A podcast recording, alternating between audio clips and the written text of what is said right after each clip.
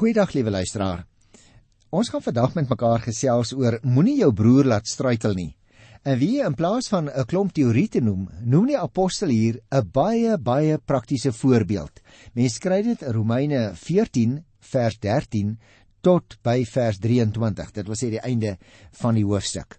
Miskien moet ek 'n algemene opmerking maak, dan is dit dalk makliker om te verstaan, want hy sê alle kos is eintlik rein, maar nogtans moet jy jou medegelowige in ag neem.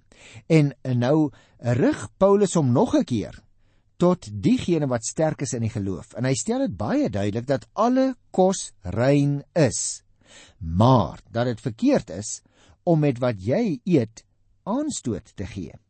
Met ander woorde, die eis van die liefde dwing vir jou en vir my om swak medegelowiges in ag te neem en so juis ons besorgdheid oor die onderlinge vrede en die opbou te wys. Want ons wil daai ou bou, nê, ons wil hom nie breek nie.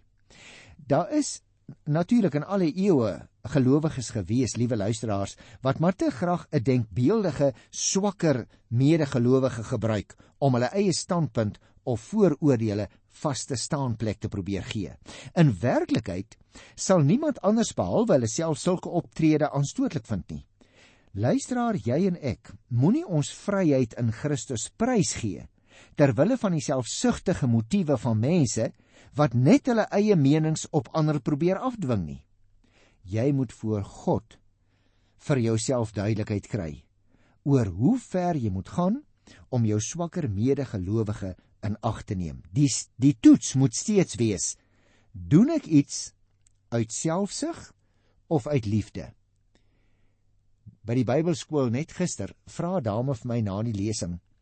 Sy het nou haar ontferm, sy en haar man het hulle ontferm oor 'n bepaalde persoon wat uh, nou baie behoeftig was. Hulle het hom daar ingeneem in hulle huis. Gee hom slaapplek, gee hom kos, maar nou kom sy agter Maar wanneer hy sy na man by die werk is gedurende die dag, dan gaan hierdie ou glad nie uit om te gaan werk soek nie. Hy lê maar altyd op die bed. Nou natuurlik, liewe luisteraar, hy kan 'n bepaalde uh, uh probleem hê soos depressie of iets anders. Maar uit wat hy my gesê het, klink dit vir my hy is werksku. Nou is die vraag van haar kant, wat moet 'n mens nou doen as iemand werksku is? Nou daar is natuurlik 'n skrifwoord wat sê as 'n mens nie wil werk nie, moet jy ook nie eet nie. So ek dink die regte raad, ek hoop so, vir haar was gesels met hom oor sy verhouding met die Here want hy sê dan nou hy's 'n Christen. En dan wys jy hom daarop dat hy 'n verantwoordelikheid het om elke dag uit te gaan. En as hy steeds dan nie reageer nie, want dalk is hy nie 'n opgeleide persoon nie, dalk gaan hy baie moeilik werk kry. Maar as hy nie daarop reageer nie, dan stel jy vir hom 'n spertyd. Dan sê jy vir hom: "Goed, ek en my man sal jou nou nog 'n week akkommodeer." Maar as jy teen daardie tyd nog nie geholp is nie, ongelukkig sal ons nie verder kan nie. Jy sien 'n mens moet soms ook in 'n sekere sin hard wees. Maar anders is jy onliefdevol teenoor daardie persoon want hy gaan nooit leer om sy verantwoordelikheid te aanvaar nie. Die vraag wat ek dus moet voortdurend vra, wat Paulus hier op die tafel sit, is as mense met hulle eise kom van dinge wat jy mag eet of nie mag eet nie. Uh hoe moet ek nou optree? Nou luister na vers 13. Laat ons mekaar dan nie meer veroordeel nie. Neem julle liewer voor om niks te doen wat jou broer kan aanstoot gee of tot 'n val kan bring nie. Jy sien, die klem val in hierdie gedeelte meer konkreet op die gelowiges se manier van optrede. Nou nie wat hulle sê nie, maar hoe hulle optree. En hier moet die sterkes en die swakkes nou weer op die tafel kom. Paulus sê, die sterkes moet die swakkes tegemoetkom. Dit is met ander woorde die basiese riglyn vir die sterkes se gedrag in so 'n situasie. Kom ons kyk na vers 14. Hier staan: Omdat ek die Here Jesus ken, weet ek en is ek daarvan oortuig dat niks van ons van self onrein is nie. Nou voeg hy by: Maar as iemand iets as onrein beskou, vir hom is dit onrein. Met ander woorde, liewe luisteraar, hierdie die apostel sê, niks wat ek eet is vir my onrein nie, want die Here het mos nou alles gemaak. Psalm 24 vers 1 sê dit ook. Maar as ek nou by 'n medegelowige kom en hy voel dat daar sekere iets is wat hy nie moet eet nie. Hy sê hierdie kom ek gebruik net maar die ou voorbeeld wat wat kinders graag sou gebruik, né? Kinders sê ek hou nie van kool nie. Nou sê ou sê nou om godsdienstige redes gaan ek nie kool eet nie. Dan moet jy vir daai ou sê, hoorie, dis heeltemal reg so. Paulus sê jy hoef nie met hom te redeneer daaroor nie. Jy hoef nie met hom te beklei daaroor nie. As hy vrede het en hy sê hy wil dit nie eet nie, wat hom betref is dit onrein, los hom. Solank dit dus oor sake gaan wat wat sal ek dit noem op die omtrek lê op die periferie lê dinge wat nie met my saligheid te maak het nie sê Paulus dan moet die wat sterk is in die in die geloof agteroor buig om nie aanstoot te gee nie Wanneer dit egter vir jou duidelik is dat dit oor wesenlike sake gaan, moet jy sonder huiwering of afwatering voet by stuk hou, ongeag die gevolge. Paulus is hier hierin vir ons 'n baie goeie voorbeeld. Sommige Jode het ernstig aanstoot geneem aan sy leer dat 'n mens uit genade vrygespreek word en nie uit jou werke nie. Paulus het egter nie 'n duim toegegee daarop nie, want dit raak die verlossing. Dit raak die kern van die evangelie. Ons word gered uit genade. Dit is basies waaroor hy in sy hele Romeine boek handel. En dan gee die apostel nêrens 'n duim toe nie. Al sê die ander ou ook al wat hy wil. En hierdie situasie ten opsigte van die swakkes het nou egter vir die sterkeres 'n besondere betekenis volgens die apostel. Die liefde naamlik eis dat die sterkere broeders of susters nie voedsel moet geniet waardeur hulle die swakkeres grief nie. Dan verbreek ons die band van die liefde tussen sterkeres en swakkeres. En daarvoor moet ons baie versigtig wees. Daarom moet ons iemand tegemoet kom behalwe as dit nou natuurlik oor beginselsake gaan.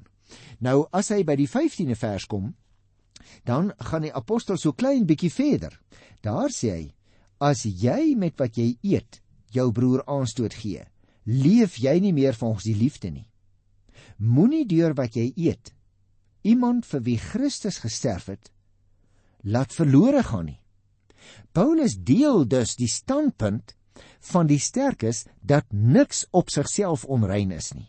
Wanneer die swak broer egter iets as onrein sou beskou en aanstoot neem aan 'n sterke se optrede, dan het hierdie sterke die deurslaggewende lewensreël van die Christen naamlik die liefde aangetas en bestaan die gevaar dus dat hy sy broer vir wie Christus sy lewe gegee het kan laat verlore gaan. Paulus stel die saak baie opsetlik in sterk terme om die erns daarvan tuis te bring. Met ander woorde beteken letterlik die ou gaan nou verlore nie. Maar dit beteken hierdie ou gaan verskriklik groot skade ly in sy geestelike lewe. Nou die dag het ek 'n konferensie bygewoon en daar het mense uit verskillende kerke en denominasies uh bymekaar gekom. En dit was 'n wonderlike ervaring. En weer eens het dit wat Paulus hier sê my baie duidelik getref. Uh luisteraars, hoe dit uh sommige van die pastore en leraars wat daar was jare lank al Christene is dat hulle jare lank op pad is, dat hulle dinge seker baie goed deurdink het van elke kant af. En dan was daar 'n paar persone uh uit verskillende gemeentes en kerke wat in 'n gemeente is en waar die lering miskien nie so goed op standaard is nie en waar die pastoor of die leraar ook miskien nou nie altyd die skrif so goed hanteer nie en dan voel hierdie persoon maar sekere dinge behoort nie gedoen te word in die gemeente nie, soos byvoorbeeld dat daar nie op die terrein by die kerk enige iets verkoop mag word nie. En dan beroep die persoon aan die tafel om toe nou uh aan die gebeure by die tafels wat die Here Jesus daar omgekeer het. Nou sê Paulus, jy moet baie baie liefde aan die dag lê met so 'n persoon. Moenie nou nie net vir hom sê ag jong nou praat jy dan 'n bietjie omtyds uh oudtyds nie of nou is jy nou verskriklik fundamentalisties of jy's biblisisties nie. Nou gooi jy so groot woord oor hom uit, dan verstaan hy in elk geval glad nie wat hy sê nie. Paulus sê jy moet met groot groot liefde daardie persoon tegemoet kom. Jy moet hom hanteer. Jy moet vir hom sê, nou, uh hoekom sê jy nou so? Hoekom voel jy daar moet niks verkoop word op die kerkterrein nie? Laat hy eers rustig praat, laat hy rustig word, dat laat hy sy standpunt stel. En ek dink, liewe luisteraar, dit is ook baie goed dat jy nou nie by 'n eerste ontmoeting miskien nou 'n groter redenasie met iemand moet aansit nie. Ek dink net dit is breed beter gesprekstegniek en terwille uh van die behoud van daai persoon. Gee jou mening rustig. Uh sê vir die persoon, ek het nou gehoor wat hy sê, ek ek deel met jou wat ek sê en ek sal bly wees as ons weer gesels en dan sorg jy dat jy daardie persoon opvolg want as jy net 'n emmer argumente oor sy kop omkeer en jy los hom net daar kan jy hom dalk heeltemal verwar hy kan dalk in 'n geweldige geestelike siele stryd kom omdat hy nie verstaan wat jy sê nie dis nie dat hy onwillig is om te verstaan nie maar sy eie siening is so ingebed in sy hart dat hy hierdie weier standpunt wat jy handhaaf glad nie eers verstaan nie. En daarom is dit nodig dink ek dat Paulus vir ons ook vandag by wyse van spreuke as dit ware persoonlik sê, julle moet groot geduld hê, julle moet liefde betoon ook met daardie broer met wie jy verskil. Ek lees weer vers 15.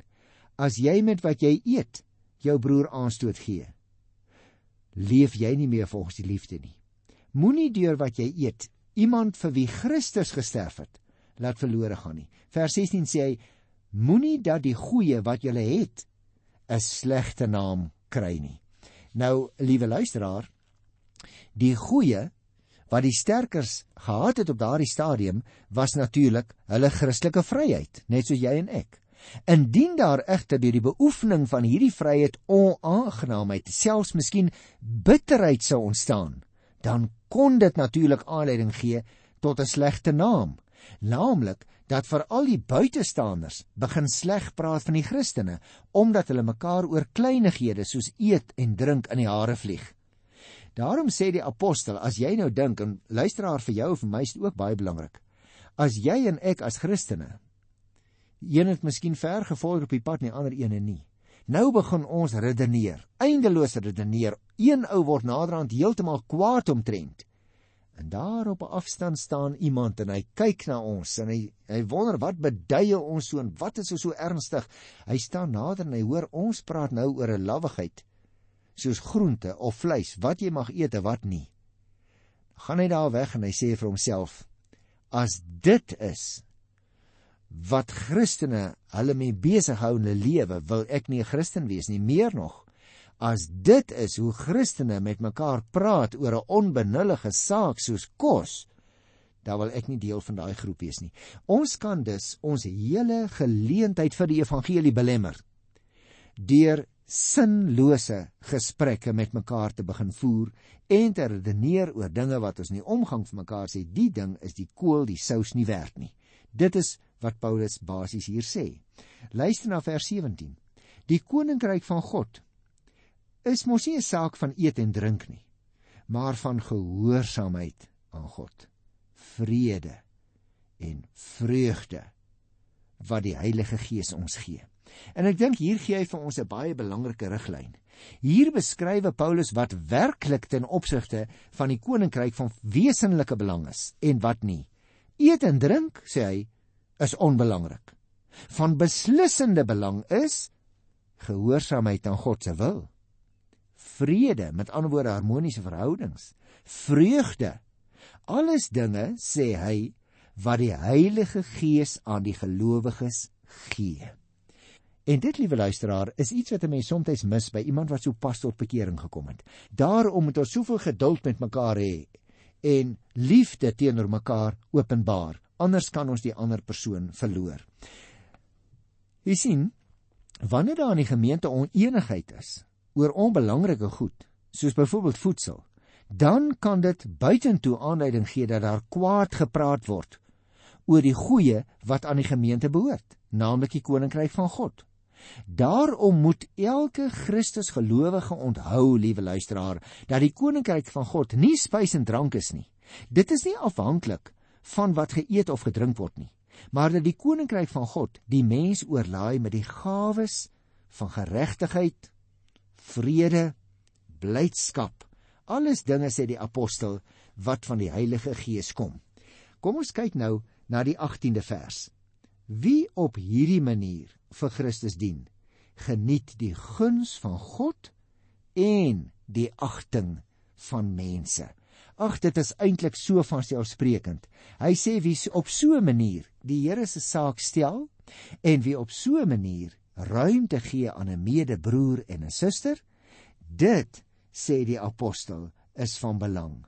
Dit geniet die guns van God en die agting van mense. Hoewel, liewe luisteraars, dit nou al genoem is die gawes van die koninkryk in die 17de vers, moet daardie gawes nou nog 'n keer genoem word sodat ons as Christene as lesers kan verstaan ons het daardie dinge nodig. Dit gaan in elk geval nie oor 'n mense behaarry nie, maar om diens aan Christus. En so iemand wat op so 'n manier begin werk en probeer werk met ander broers wat swakker is of susters wat swakker is, dan sê hy uh, op hierdie manier vers 18 word Christus gedien en hy daardie persoon geniet dan ook die guns van God en die agting van mense. Nou hier by vers 19 tot 21 gaan ek so as 'n een eenheid bietjie saam lees want dit is 'n kort versies. Daar staan: Laat ons ons dan beywer vir die dinge wat die onderlinge vrede en opbou bevorder. Moenie oor kos afbreek doen aan die werk van God nie. Alle kos is rein. Maar dit is verkeerd om deur wat jy eet aanstoot te gee.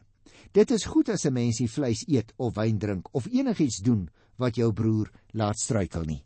Jy sien en daar kom dit nou weer baie duidelik na vore. Ek akkommodeer daardie ou omdat die goed vir hom nog belangrik is. En daarom as daar iets is wat hy voel 'n mens nie behoort te eet of te drink nie, dan moet ek nie 'n groot krisis in sy hart veroorsaak nie. Dan dring ek nie daarop aan nie. Met ander woorde, deur waar nodig vrywillig van hulle vryheid afstand te doen, moet die sterkeres hulle beywer, let op, beywer vir goeie onderlinge verhoudinge, soos vrede en die opbou van die gelowiges. Dis belangrik luisteraar, want sien, die opbou van die gemeente as die bouwerk van God is vir Paulus steeds een van die belangrikste stoetstene ten opsigte van Christene se optrede.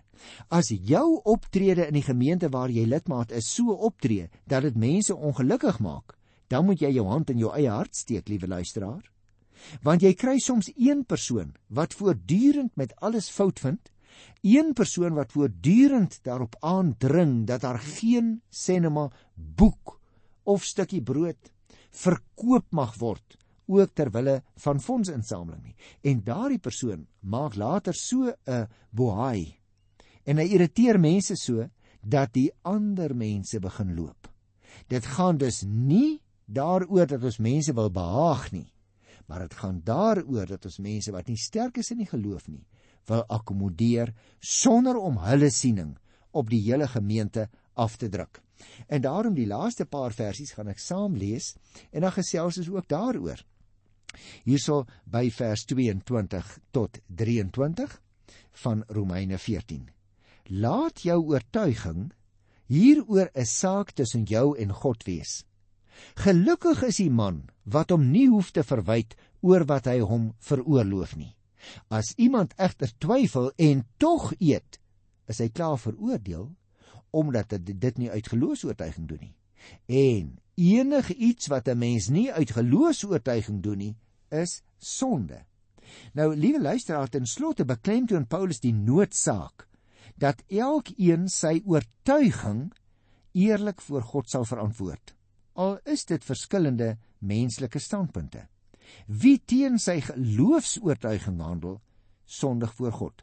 Nou luister dan, dis 'n baie sterk uitspraak en ons moet nog 'n bietjie daaroor praat. Dit gaan nie hier oor geloofsuitsprake ten opsigte van Christus nie. Dit gaan hier daaroor dat Paulus hom sterk wil uitdruk oor 'n eenvoudige saak soos die eet van vleis of die nie eet nie van vleis. wat iemand later verhef tot 'n geloofsaak. Dan behoort daar 'n gesprek te wees uh sodat ons wat sommige gemeentes en kerke uh, noem dit soms middelmatige sake, né? Middelmatige sake is middelmatige sake, juis omdat daar in die Bybel nie oor daardie tipe aangeleenthede uitsprake is nie. In sulke gevalle moet jy na jou gewete luister. As God jou na jou mening oortuig dat iets verkeerd is, dan moet jy dit vermy. Jou gewete is immers dikwels God se rooi lig dat jy op die punt is om 'n gevaargebied binne te gaan. As jy dus twyfel, los. Ek wil 'n voorbeeld noem. Ek besoek nou die dag iemand in 'n plek vir verslaafde persone waar hy nou behandeling kry. En hierdie persoon kom 'n baie lang pad. Hy het ook al van tevore behandeling gekry. Nou probeer hy my oortuig. Hy het nie 'n probleem met uh, die dwelmdrank nie. En as hy nou middelmatig kan drank gebruik, dan is dit vir hom goed. Nou liewe luisteraar, ek het aan hom probeer verduidelik soos hierdie skrif sê, niks is op sigself sonde nie, maar in sy geval kan dit vir hom tot geweldige sonde lei. Daarom betree hy 'n gevaargebied. Die oomblik toe hy sê as hy nou terug gaan huis toe, dan gaan hy nou net aan tafel wyn drink. En moes ek vir hom sê maar jy sit jou voet in die slaghuister. Want soos iemand anders 'n bepaalde swakheid het vir ander ding, het jy 'n swakheid vir drank. daarmee moet jy rekening hou. Dit beteken nie broer, moes ek vir hom sê dat die drank op sigself sonde is nie. Maar dit beteken dat jy besig raak met 'n ding wat tot sonde gaan lei in jou geval omdat jy dit nie kan hanteer nie. En daarom luisteraars, is dit so dat veral wanneer iemand 'n bepaalde probleem het, hy eenvoudig, hy of sy eenvoudig daarvan moet afstand doen. Ek dink dit is 'n goeie uh algemene riglyn as 'n mens sou sê as jy twyfel oor iets, los dit. Maar moenie jou oortuiging afdwing op ander gelowiges wat anders oor 'n spesifieke saak oordeel nie, want dan beywer jy jou nie vir die onderlinge vrede en die opbou nie. So ons moet dit goed baie duidelik met mekaar onderskei. Sake wat tot die kern van die evangelie handel, daaroor kan ons nie met mekaar verskil nie. Soos byvoorbeeld geloof in Christus. Soos byvoorbeeld dat ons die Here moet dien. Soos byvoorbeeld dat ons medemense moet eer. Daaroor kan ons nie verskil nie. Maar ons kan wel met mekaar verskil by die laaste voorbeeld wat ek genoem het, dat ons ander moet lief hê en dien. Ons kan met mekaar daarin verskil oor die praktyk van wat ons doen, oor die beginsel dat ons moet lief hê, kan daar nie twyfel wees nie. Ons kan ook nie daarvan afwyk nie. Maar dit gaan afhang ook soms van omstandighede. Jy sal iemand nie lief hê nie. As jy sien iemand gly, daardie persoon gly elke keer teen die baan, hy verval elke keer in drankmisbruik, dan sal jy liefdeloos wees as jy hom daarmee laat voortgaan. Jy sal hom of haar direk moet konfronteer as dit nodig is en sê in jou geval is hierdie ding sonde. En uh liewe luisteraar, ons moet ook soms ander maniere gebruik om die persoon se gesin by te kry, ook miskien iemand anders wat 'n goeie beraader is. Ons woorde toedraai in groot liefde. Maar as dit vir hom tot struikeling is of vir haar, dan moet ons sê jy sal tot 'n punt moet kom om te sê alhoewel jy nie daarvan hou nie, is in my geval hierdie ding sonde. Selfs ook as ons baie keer te veel eet. Ek groet jou tot volgende keer in die wonderlike naam van die Here. Tot dan. Totsiens.